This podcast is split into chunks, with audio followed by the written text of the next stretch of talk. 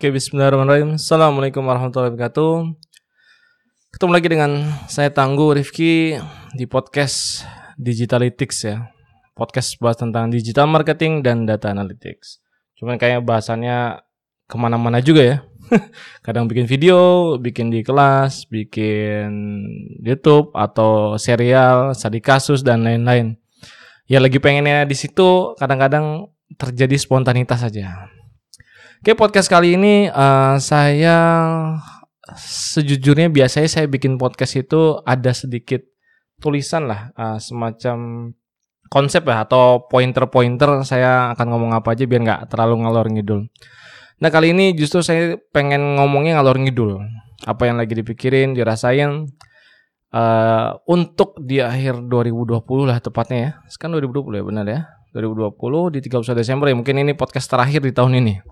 Jadi podcast ini pengen ya pengen bercurhat ria lah tentang apa yang saya alamin selama 2020 ini. Mungkin ada kesamaan juga kemiripan dengan teman-teman ya yang dengar podcast ini di 2020 ini. Jadi di 2020 mungkin kalau masih di Januari, Februari masih aman-aman aja. Mulai masuk ke Maret ya. Masya Allah. Sebagian mungkin saya ngalamin di needs pendidikan ngerasa drop, kaget lah. Biasanya ada tim offline yang datang ke sekolah, tim offline yang canvassing ke sekolah ya. Tim juga canvassing ke perusahaan-perusahaan yang masuk mulai produk yang ada di perusahaan, drop. Tadi tim itu cukup banyak, uh, bisa jadi menopang juga dari omset perusahaan ya. Nah, saat itu di kala itu drop lah. Nah, tantangannya adalah uh, kita juga nih sedikit curhat lah. Saya punya di tempat satu perusahaan, akhirnya kita juga dropnya. Kita waktu saat lagi WFH, satu tim kita juga WFH semua dan tidak ada penjualan. Sedangkan uh, tempat ini menjadi satu-satunya salah satu ya, mungkin salah satu lah. Bukan satu-satunya saya bilang karena rizki Allah itu tidak ada yang tahu uh, kapan datang dan di mananya kecuali kita memang berusaha ya. Nah, ini salah satu uh, pintu rizki yang Allah berikan lewat jalur ini. Nah, saya dengan tim berpikir lah, aduh, gimana nih kita mau makan apa gitu kan? Karena kita hampir rata-rata sudah berkeluarga semua. Mau ngapain nih kita nih gitu kan? Garapnya gimana nih? Terutama saya dengan tim khususnya dengan teman saya, sahabat saya, kerabat saya itu Kang Erlan. Kang gimana nih Kang? Wah, ya udah kita jualan aja, jualan sendiri aja karena tim itu tim jualan, tim advertiser ada yang ada yang megang sosial media, akhirnya berubah jadi admin dan macam-macam. Nah dari situ uh, kurang lebih tiga bulan kita berusaha sendiri, tidak di bawah naungan satu perusahaan lah di atap ya. Jadi kita survive semacam bikin tim khusus gitu, ah, tim elit ya.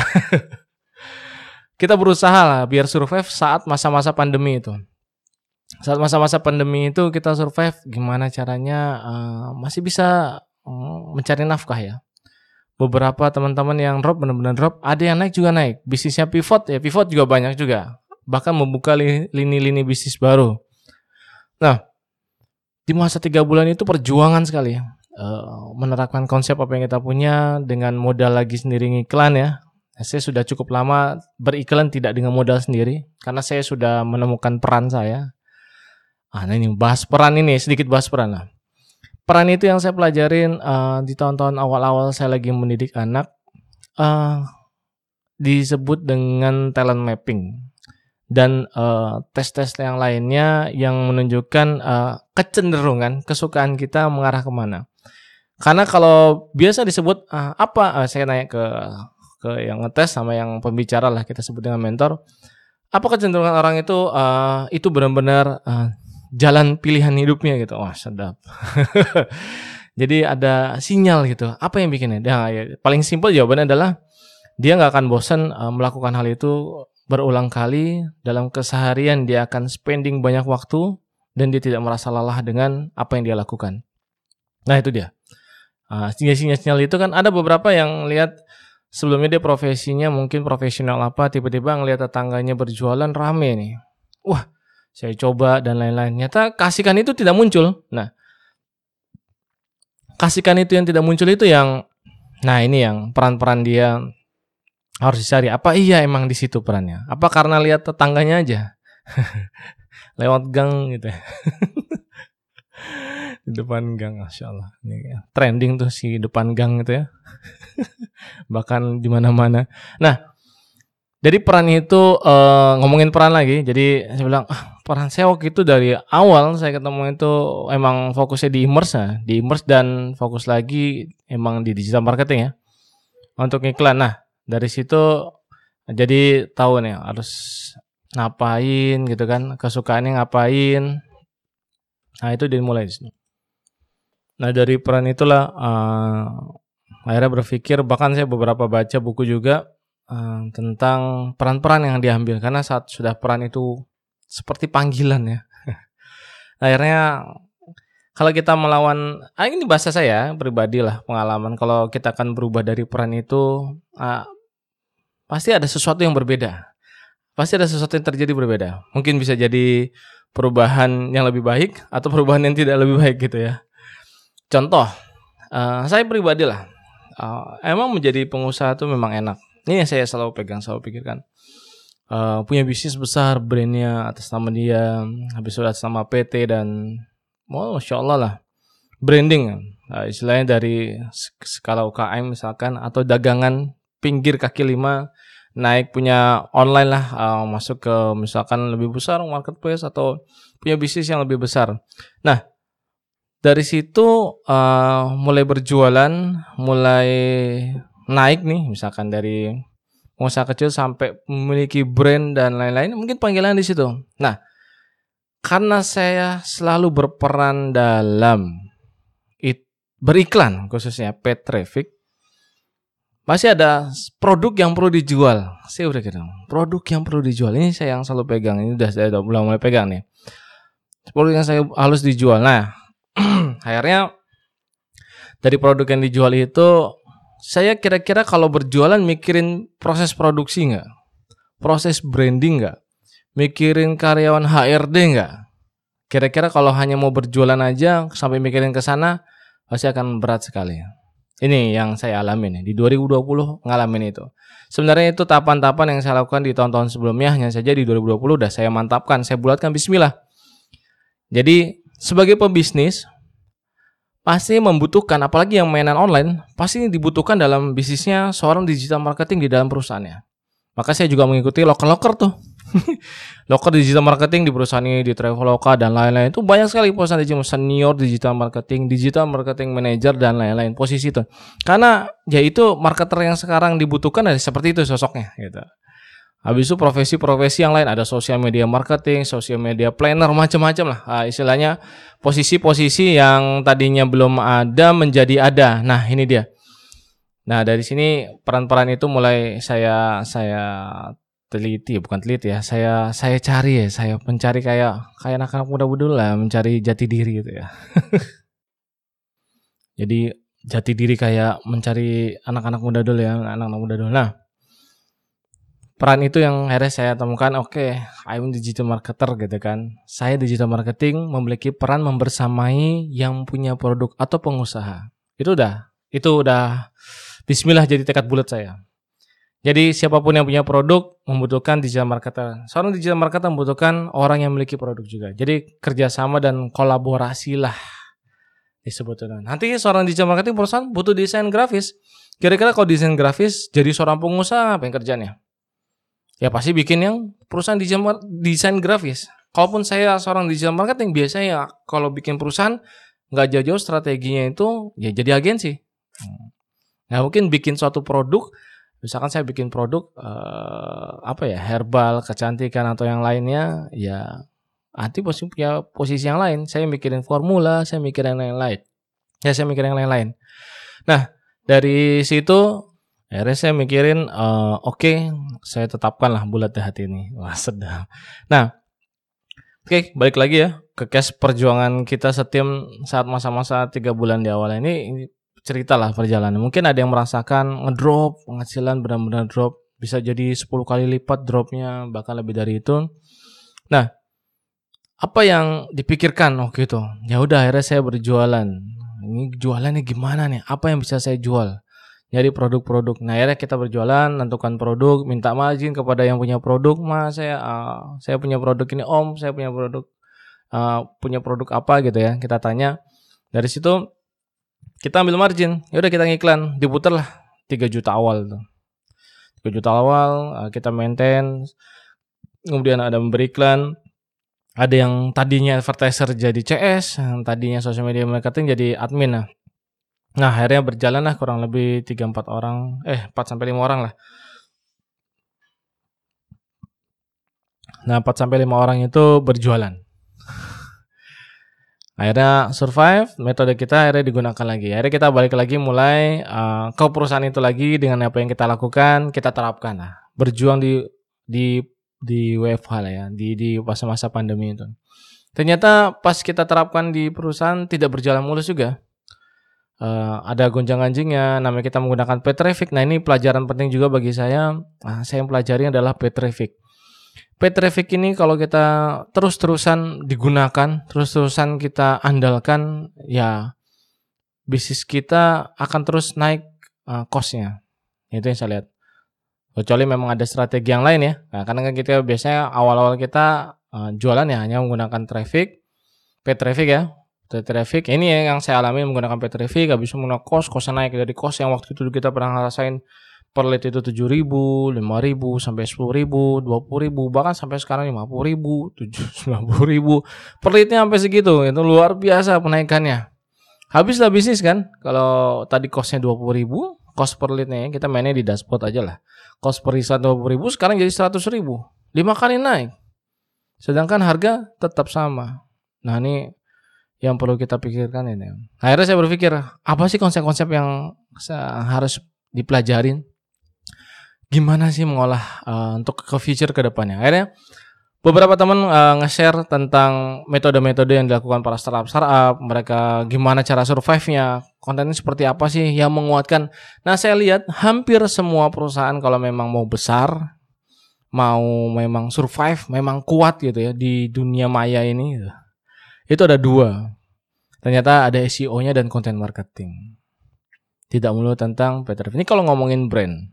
Kecuali teman-teman jualannya setiap bulan ganti produk ya monggo. Survive seperti itu. Cuman yang bagi yang punya produk, tadi kan ngomong lagi, yang punya produk pasti pengen survive terus dong brandnya. Gimana meleverage bisnisnya bisa besar, habis itu bisa sampai turun temurun. Pola-polanya seperti apa? Dan bisa diduplikasi pola-pola ini ke perusahaan yang lain. Nah, metode-metode ini bisa jadi valid kan? Akan bisa dilakukan di tempat yang lain. Nah, ya contohnya Facebook dan Google mengajari metode ini bisa diterapkan di semua lini bisnis. Mereka beranggapan seperti itu kan. Nah, nyom, gimana nih menerapkan yang baik dan benar? Akhirnya saya tahun ini mempelajari fundamental lagi. Fundamental, basic-basic lagi, gimana sih? Apa sih yang mereka lakukan ya? Ya, ternyata kita lihat Salah satu metode polanya itu yang dilakukan sama buffer ya, itu adalah menggunakan metode T-shape bagi mereka. Kita lihat hampir T-shape di perusahaan-perusahaan itu pola-polanya. Nah, itu teman-teman bisa lihat T-shape seperti apa. Itu skill skill di dalam tim ya. Yang menonjol paling mana, yang akan dikedepankan seperti apa dan mem mem memerlukan effort besar di bagian mana. Ternyata di buffer itu dia menunjukkan annual of salary salary yang salary memang besar yang di bagian IT cuman tidak kalah besarnya juga untuk bagian tim-tim konten. Gitu dia. Gaji gajinya ratusan ribu dolar gitu kan. Itu per tahunnya ya. Luar biasa. Nah di situ jadi per bulan kurang lebih ada yang di atas 100 juta 200 juta lah. Kurang lebih seperti itu. Kalau di Indonesia udah dapat segitu kerja dalam satu tim kan luar biasa Uh, bayangin, mungkin kita bisa mendapatkan penghasilan 10 juta sebulan atau 20 juta sebulan, 30 juta sebulan, 100 juta sebulan bahkan. Kita kalau berjualan sendiri. Tapi kalau kita bisa bareng-bareng dalam satu tim dapatkan hasil yang serupa minimal, uh, itu kan lebih enak insya Allah. Istilahnya berukhuwah ya, bareng-bareng. Kita menuju satu tujuan itu ya. Menegakkan syariat Allah. Wah, bahasanya berat. Enggak. Jadi dalam satu tim itu apa yang biasanya saya anggap lagi angka cukup angka cukup yang dibilang Mas J, saya banyak pelajaran dari Mas J. Kalau angka cukupnya kita bisa dapatkan dengan bertim, saya bilang. Kalau bisa setim, saya akan megang setim, sepasukan. Karena saat lagi perang, berat-berat yang besar-besar perang, jarang sekali perang itu ketemunya hanya berlima gitu ya. Berdua gitu. Itu bisa bilang di tim. Cuma pas saat perang-perang besar, ya pasti besar juga timnya. Saat perusahaan-perusahaan besar, pasti besar juga timnya. Jadi ya itu yang saya pikirkan, oh kalau mau besar, ya timnya harus besar. Dari hitam kutip ya besar ya. Bisa bisa jadi timnya hanya 10 tapi seperti 1000 orang. Karena satu orangnya mewakili 100 gitu kekuatan. Skillnya luar biasa. Itu tuh relatif ya. Cuman skill people-nya luar biasa lah produktivitasnya tinggi habis itu taksnya strict dan ketat tapi selesai itu harapan impiannya nah itu yang saya akhirnya eh, dengan tim itu kita bisa mencapai barang-barang apa yang mau dikejar. Minimal angka cukup tadi. Nah, angka cukup itu ternyata bisa diwakilkan dengan tim. Ya, saya lebih milih bertim. Itu yang saya ambil di tahun ini. Hampir selalu bertim yang saya kerjakan jarang, jarang hampir jarang saya ngerjain sendiri, jualan sendiri. Apalagi untuk masalah produksi biasanya kolaborasi yang punya ide, yang punya produk, mereka akan punya bikin produk. Mikirin brand, sebenarnya butuh orang-orang brand juga nih yang mengkonsep gitu ya mau di arah ke mana value-value bisnis. Nyata ada orang-orang seperti itu yang suka dengan visi misi dan lain-lain. Mereka pikirannya future ke depan gitu ya, tak pikir gitu. ya udah, akhirnya berkumpul lah uh, di tempat yang sekarang. saya di 2020 tepat di akhir tahun ini berkolaborasi dari, dari di satu tempat. Nah, itu sebagai produk solutif lah untuk membantu kesehatan. Nah, saya bilangnya itu. Nah, di situ berketemu cukup unik teman-teman mungkin anak-anak muda ya. Salah satu metode T-shape tadi itu memang mengedepankan konten marketing sama SEO. Nah, SEO itu kita lihat hampir semua perusahaan-perusahaan yang besar itu menggunakan SEO. Kekuatan di SEO. Ah, bahkan ada beberapa benchmark yang saya pakai untuk menerapkan di perusahaan ini luar biasa traffic organiknya bisa sampai 15 juta per bulan 10 juta traffic organik. Saya riset menggunakan tools keyword ya. Wow, bahkan uh, salah satu yang saya lihat adalah Mas Fikri itu. Kirim Mas saya lihat trafficnya kalau nggak salah gitu ya Mas Fikri tak mau koreksi Mas. Itu bulanannya bisa ratusan ribu, 500, 700. Mungkin di BPK bisa nyampe 1 juta di tiap bulannya dengan menggunakan traffic itu. Ah, sebentar saya kalau nggak salah ya. Oke benar, uh, barusan saya cek ya. Saya post dulu tadi. recordnya takut salah kalau ngomongin data tapi salah tuh nggak enak jadi saya cek aja uh, domain ini saya ambil case-nya kirim email uh, saya tes menggunakan Uber Suggest punya Enil Patel ya saya tes traffic analyzer-nya organic keywordnya ada sekitar 72 ribu ini buka-bukaan perusahaan orang ya ini 72 ribu organic keywordnya nah ini salah domain skornya 63 organic money trafficnya per 80 ribu ya kurang lebih hampir 500 ribu tadi saya sebut ya berarti nggak nggak beda jauh lah melebihkan dikit biar lebih bagus nggak apa-apa. Ya, jangan jangan sampai merendahkan. Backlinknya kurang lebih 26 ribu. Nah, kebanyakan dari organiknya aja dengan keyword-keywordnya ini 480 ribu sudah datang ke traffic ke website. Ini kekuatan SEO konten ya. Lagi-lagi SEO tidak bisa berlepas dari konten. Pasti konten ngomongin uh, tulisan-tulisan yang asik. Makanya teman-teman mungkin yang baca tulisannya Mas Fikri, ulasan-ulasannya mendalam ya, enak lah, ringan. Mbak apalagi baca email yang kemarin terakhir tentang uh, ada kasta-kasta ya. Kasta dalam uh, aplikasi WhatsApp itu luar biasa. Nah kasta itu bahasannya masya Allah dalam enak ya begitulah ciri khasnya. Uh, mestinya penulis-penulis itu emang luar biasa. Memang jos. Itu saya rasa yang nulis itu Mas Fikri sendiri ya. Karena tesnya Mas Fikri tulisannya beda dengan tim-timnya. Ini mohon koreksi kalau salah Mas Fikri. Tapi tulisannya Mas Fikri beda karena lihat dari knowledge-nya dan buku-buku yang dibaca insya Allah bahasan-bahasannya sampai bisa bahas ke sana uh, kedalaman berpikirnya itu dituangkan dalam tulisan dan mudah dicerna alurnya ada itu Mas Fikri banget lah nah kayak kita balik lagi tentang uh, ini SEO dengan content marketing Nah, gue konten itu kekuatan konten akhirnya saya belajar. Oh, nyata tim-tim konten ini apa ya? Oh, oke. Okay. Ternyata dari dua metode ini SEO dan content marketing itu uh, saya lihat muncul dinama dengan inbound marketing. Inbound marketing ini nggak ternyata nggak lepas, nggak melulu tentang harus mengikuti tren dan lain. Cuman ya kita harus uh, tetap eksis ya. Kita lihat itu menggunakan SEO dengan content marketing dan skill-skill yang lainnya. Jadi kalau saya tangkap ya Traffic itu ngebooster memang produknya sudah oke-oke lah. Validasi produk juga nggak usah dibahas ya, produk harus bagus. Tapi konten apa yang bagus itu bisa kita boost ya. Dari menggunakan Traffic dengan strategi funneling konten dan lain-lain. Tantangannya di itu. Karena semakin banyak advertiser ya makin tumbang juga ya kita rasakan akun-akun yang lain ame disable. Sebenarnya saya nggak nggak terlalu ngalamin banyak di situ karena produk saya produknya edukasi jadi masih aman akunnya. Walaupun satu akun juga habis tuh yang whitelist. Saya punya akun di tahun ini beberapa tahun itu tentang akun whitelist ya. Jadi bisa bikin banyak akun ratusan mungkin kayak ribuan kalau kita bisa bikinnya ratusan lah. Nah itu satu BM ya listrik akhirnya sampai ngefollow mungkin telat ngefollownya nggak ngeverify. Akhirnya akhirnya mati juga tuh akun. Sampai sekarang sayang sekali. Akhirnya mulai bikin akun yang BM yang benar-benar verify yang bagus yang rapi lah benar-benar mengikuti tosnya dari Facebook.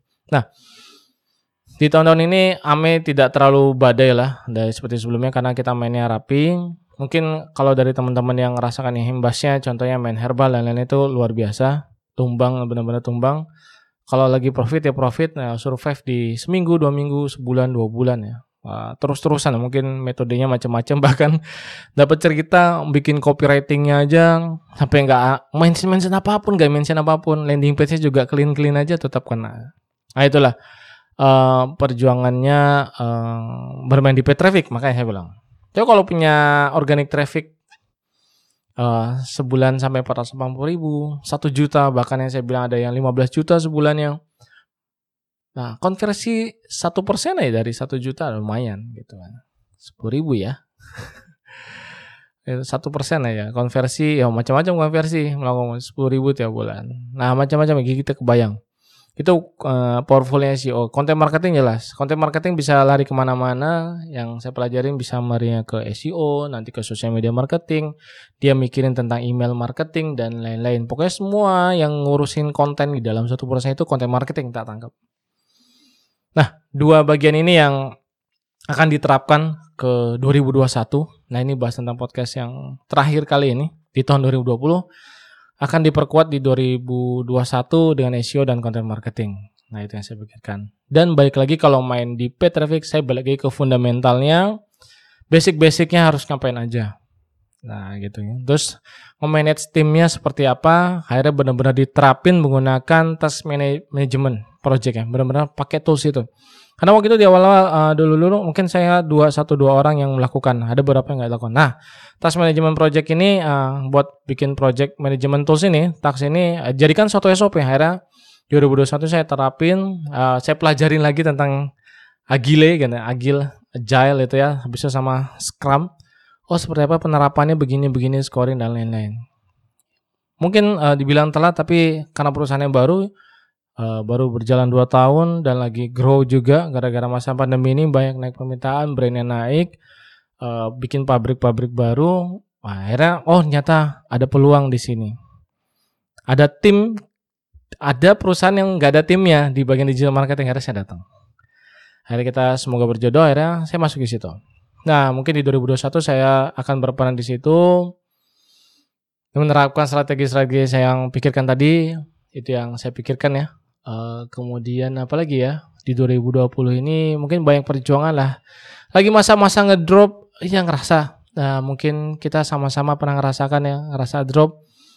Uh, teman-teman juga yang punya perusahaan besar juga uh, kadang-kadang bayar gajinya cukup sulit ya ada bahkan banyak bahkan gajinya dipangkas juga ada mau survive seperti apa juga ada juga ya tapi kita tetap bertahan uh, sebagaimana Allah sudah mengajarkan. Kemarin saya juga pas lagi rakar menetapkan dua metode ini yang saya terapkan di rakar kemarin.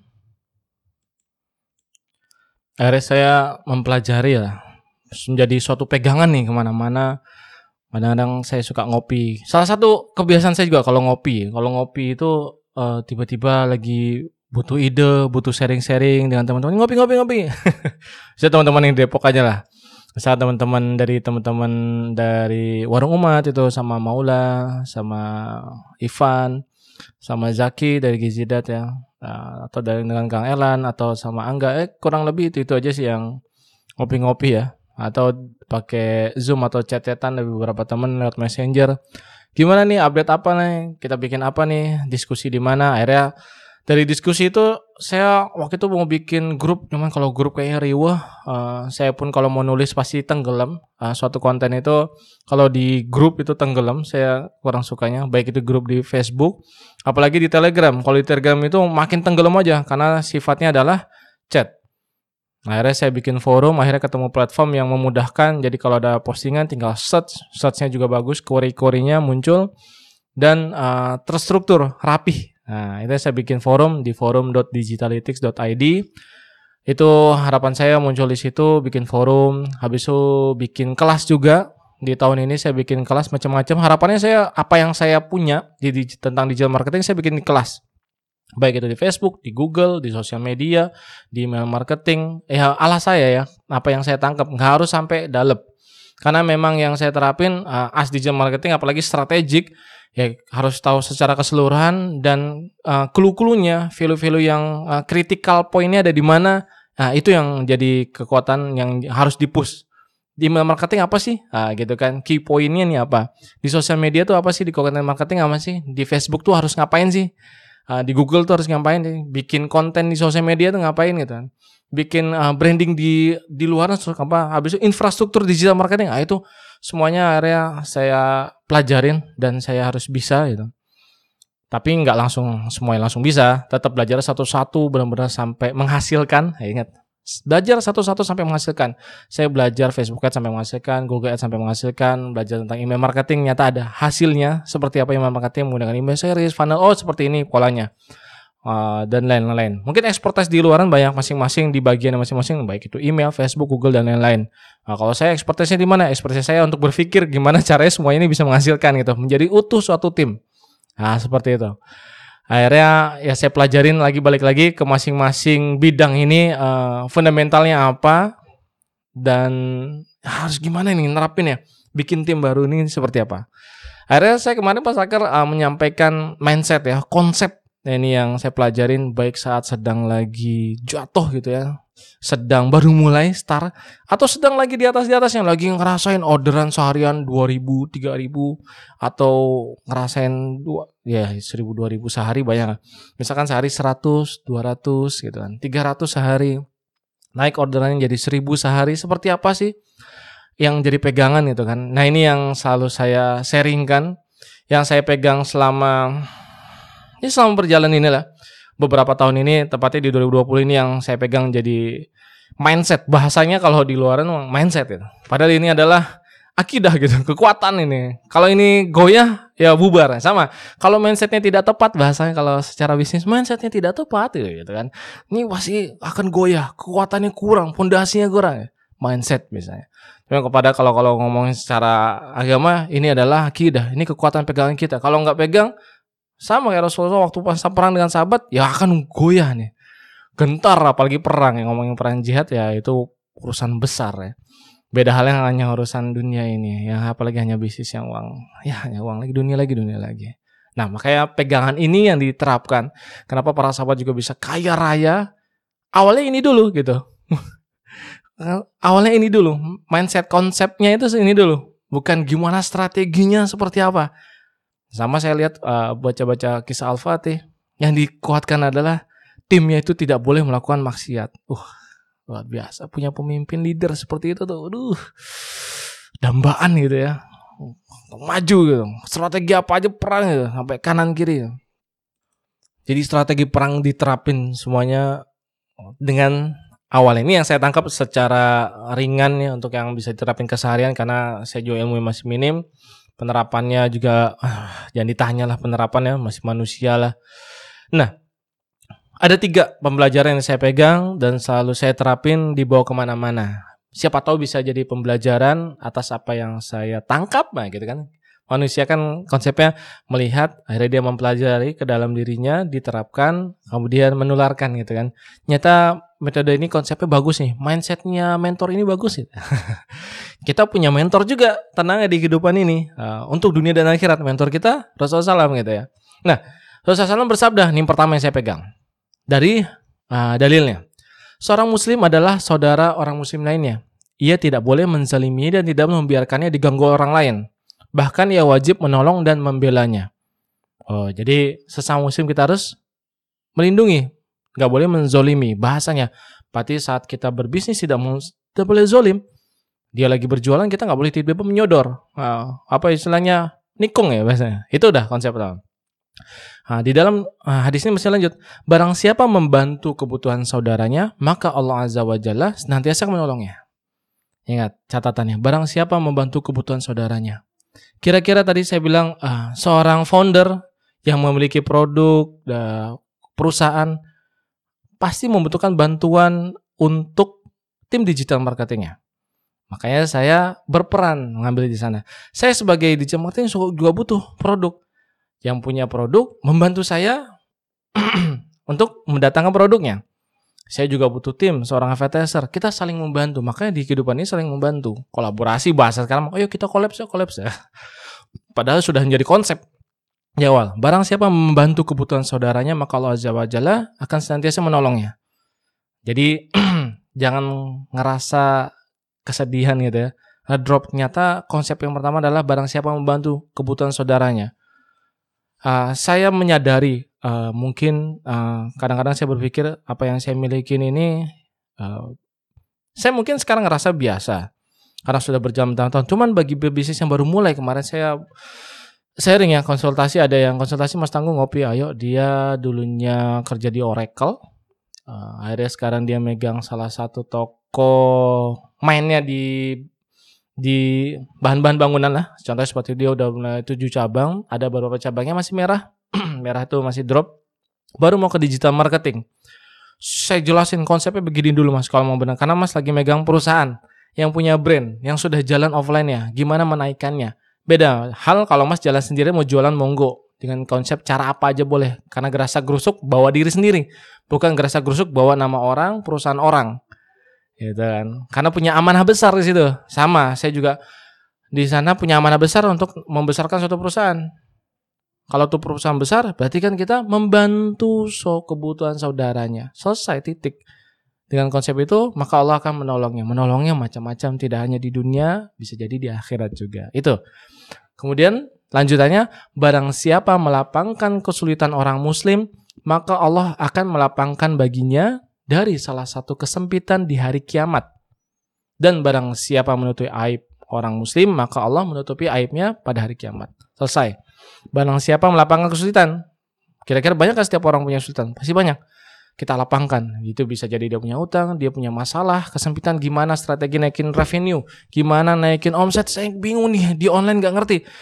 Akhirnya saya mau bikin kelas itulah. Ah, siapa yang butuh dari basic saya bikin basic. Walaupun belum jadi jadi banyak yang matematika cuman semua mapnya sudah ada. Tinggal slide slide kalau saya kadang-kadang menuangkan dalam slide itu butuh waktu ya. Cuma kalau sekedar mapping mapping harus ngomong apa bahasa apa udah selesai mappingnya tinggal praktek-prakteknya aja untuk ngajarin tuh kadang-kadang butuh effort yang mudah diterima mudah di mudah dicerna ya kalau hanya sendiri aja mungkin ngerti dengan tim sendiri aja enak wah wah wah bisu cuman kan cara daya tangkap orang beda-beda. Nah itu yang saya pikirkan gimana nih materinya biar enak mudah ditangkap. Nah ini dia. Nah ini konsep yang awal dari dalil yang ini ya. Yang saya pegang adalah yang kedua mindset. Oh ini bahasa saya bilangnya mindset ya biar keren ya biar masuk lah ke digital marketing.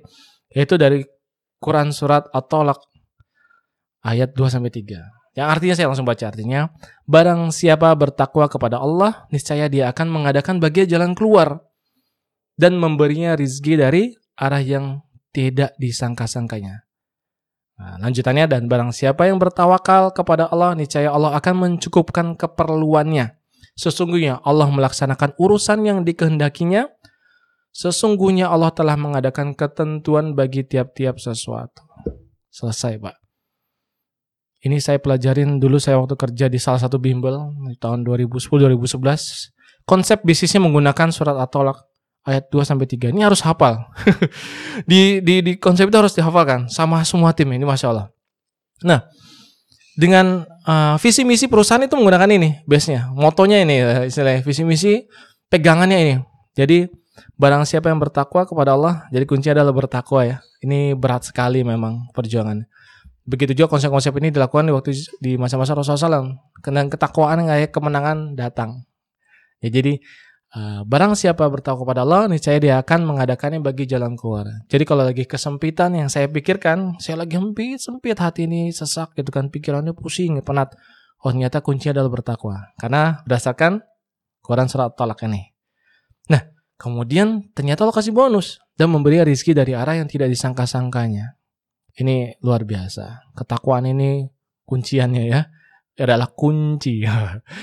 Dan barang siapa yang bertawakal kepada Allah, Allah akan mencukupkan keperluannya. Kadang-kadang omset kita 2M. Targetnya nih. Bulan depan 2M ya, setangguh. Tiba-tiba nyampe 1M. Pertanyaan saya, dia perusahaan ini rugi atau enggak? Dengan menargetkan omset, emang itu fix costnya perusahaan? Belum tentu, Pak. Saya bilang, harus punya landasan. Kalau masih angka cukup yang masuk, perusahaan tidak rugi, ini kita sudah berusaha. Makanya ada project management tools menggunakan tax. Kita sudah lakukan tax, daily tax full, padat, seproduktif mungkin, semaksimal mungkin. Kalaupun tidak ada yang produktif, hal-hal yang masih uh, bisa ditolerir gitu ya. Yang penting tasnya kita kejar, omset kita kejar. Toh kalau tidak capek, kita kan sudah ikhtiar. Gitu ya. Kunciannya yang selanjutnya adalah bertawakal. Karena tidak boleh lepas itu oh, terus ngejar 2 M misalkan sebulan atau 5 M, 10 M. Berapa M pun, eh, berapa ember lah. Nyata kuncinya di sini. Setelah dikejar kita harus tahu tim ini adalah kunciannya bertawakal kepada Allah. Maka niscaya Allah akan mencukupkan keperluannya. Ternyata semakin tidak bertawakal, Allah tidak cukupkan bisa jadi. Kebalikannya. Merasa terus. Kok forecasting naik terus nih tahun depan? Boleh forecasting naik. Tapi jangan lupa dengan konsep sama mindset yang ini. Bertawakal ya. Ah, ini yang saya pegang. Konsep-konsep ini. Jadi di bisnis saya ya, ya. Kemarin pas raker saya bilang, ini konsep kita begini. Jangan sampai kejar-kejaran terus nyata dimarah-marahin. Padahal timnya sudah berkeringat pulang malam dan lain-lain. Ternyata di satu perusahaan ini kurang bertawakal. Nah, jangan sampai step-step ini dilewatin. Masya Allah panjang nih bahasannya. Saya kepikiran aja ini lagi ngalor ngidul apa yang saya pikirkan ya. Mohon diterima kalau ada salah mohon dimaafkan dan dimaklumi atau kalau perlu tegur saya di Messenger atau di WhatsApp Mas Tangguh ini ah, begini Mas, nggak boleh ngomong begini Mas. Canda ya gitu. Bilang aja tegur saya selagi saya ada salah. nah, itu ya. Mindset yang kedua, tadi saling tolong menolong saudara muslim, membantu kebutuhan saudaranya, maka Allah Azza wa Jalla akan senantiasa menolong. Habis itu melapangkan kesulitan. Nah, maka akan memudahkan kita nanti ke lapangan di hari akhirat. Yaitu keduanya menggunakan surat At-Talaq ayat 2 sampai 3. Itu kuncinya bertakwa, maka Allah mengadakan jalan keluar. Kemudian uh, akan memberi di jalan yang tidak sangka-sangka tadi rezekinya ya. Kemudian adalah bertawakal. Karena sudah ikhtiar semuanya, jangan lupa bertawakal. Ini udah kuncian konsep. Nah, yang satu lagi ini yang saya pegang. Ingat dari surat Quran surat Ibrahim ayat 7. Waktu saya lagi ngobrol-ngobrol lah sama anak, tiba-tiba inget ini mas. Wah, saya bilang ke anak saya. Di ayat 7 ini. Bismillah. Dan ingatlah juga, tatkala Tuhanmu memaklumkan, sesungguhnya jika kamu bersyukur, pasti kami akan menambah nikmat kepadamu. Dan jika kamu mengingat, eh, mengingkari nikmatku, maka sesungguhnya azabku sangat pedih berhubungan ya tadi dengan surat At-Talaq bahwa kita kalau bertawakal maka Allah akan mencukupkan. Kalau ternyata mengingkari nikmat yang sudah Allah tetapkan, maka sungguh azabku sangat pedih. Wah, ini berhubungan sekali. Jadi sungguh jika kamu bersyukur maka kami akan menambah nikmat kepadamu. Jadi bersyukur dengan apa yang sudah diterapkan, apa yang sudah Allah tetapkan. Jika Allah sudah memberinya satu, maka akan satu terjadi. Tidak ada yang bisa merubah. Karena tidak akan tertukar alamatnya rezeki ini. Nah itu konsep-konsep yang saya dapat. Bahkan sekalipun lagi di rekening hanya 100 ribu, 500 ribu, sedangkan hidup masih ngerasa seminggu lagi atau sebulan lagi harus ngapain ini. Saat lapang tiba-tiba ada yang kesusahan datang, bersahajalah gitu kan, berdermawan lah gitu kan. Karena masih banyak yang merasa lebih rendah di kata, bahkan yang di atas pun masih banyak juga. Tapi konsep-konsep ini yang saya pegang. Nah itu syukur-syukur konsep ini bisa saya terapkan di tim saya karena kemarin sudah masuk ke raker gitu ya konsep-konsep ini mindset ya metode ini untuk menuju kemenangan tidak hanya kemenangan di dunia tapi di akhirat juga amin ya robbal alamin ini kurang lebih podcast di akhir tahun ini yang saya tutup dengan konsep dan mindset ini Semoga ada manfaatnya untuk teman-teman. Jangan lupa menerapkan ini. Ini saya udah pegang mempelajari ini aja uh, tiga bagian ini ya dari dalil Rasulullah SAW, kemudian atolak tadi. Nah saya dalilnya tidak menyebutkan dari riwayat siapa ya, saya lupa meriwayatkan karena itu hanya di catatan. Kemudian uh, konsep yang ketiga adalah dari surat Ibrahim ayat 7 ya, uh, rizki yang akan Allah tambahkan. Saat bersyukur, kuncinya bersyukur. Masya Allah, ya Allah, nikmat sekali ya. Ternyata konsep-konsep yang Allah berikan. Oke, itu aja. Semoga bermanfaat. Nah, nanti kita bisa sharing-sharing lagi di podcast selanjutnya. Mohon maaf atas kesalahan kata-katanya, mohon maaf atas janji-janji yang mungkin saya sudah siapkan akan bikin kelas ini, akan begini begini. Bahkan ada beberapa saya masih ada janji nggak salah saya memberikan bonus nih. Saya ingat di sini saya bikin hanya sekitar beberapa orang lah memberikan bonus saya lupa.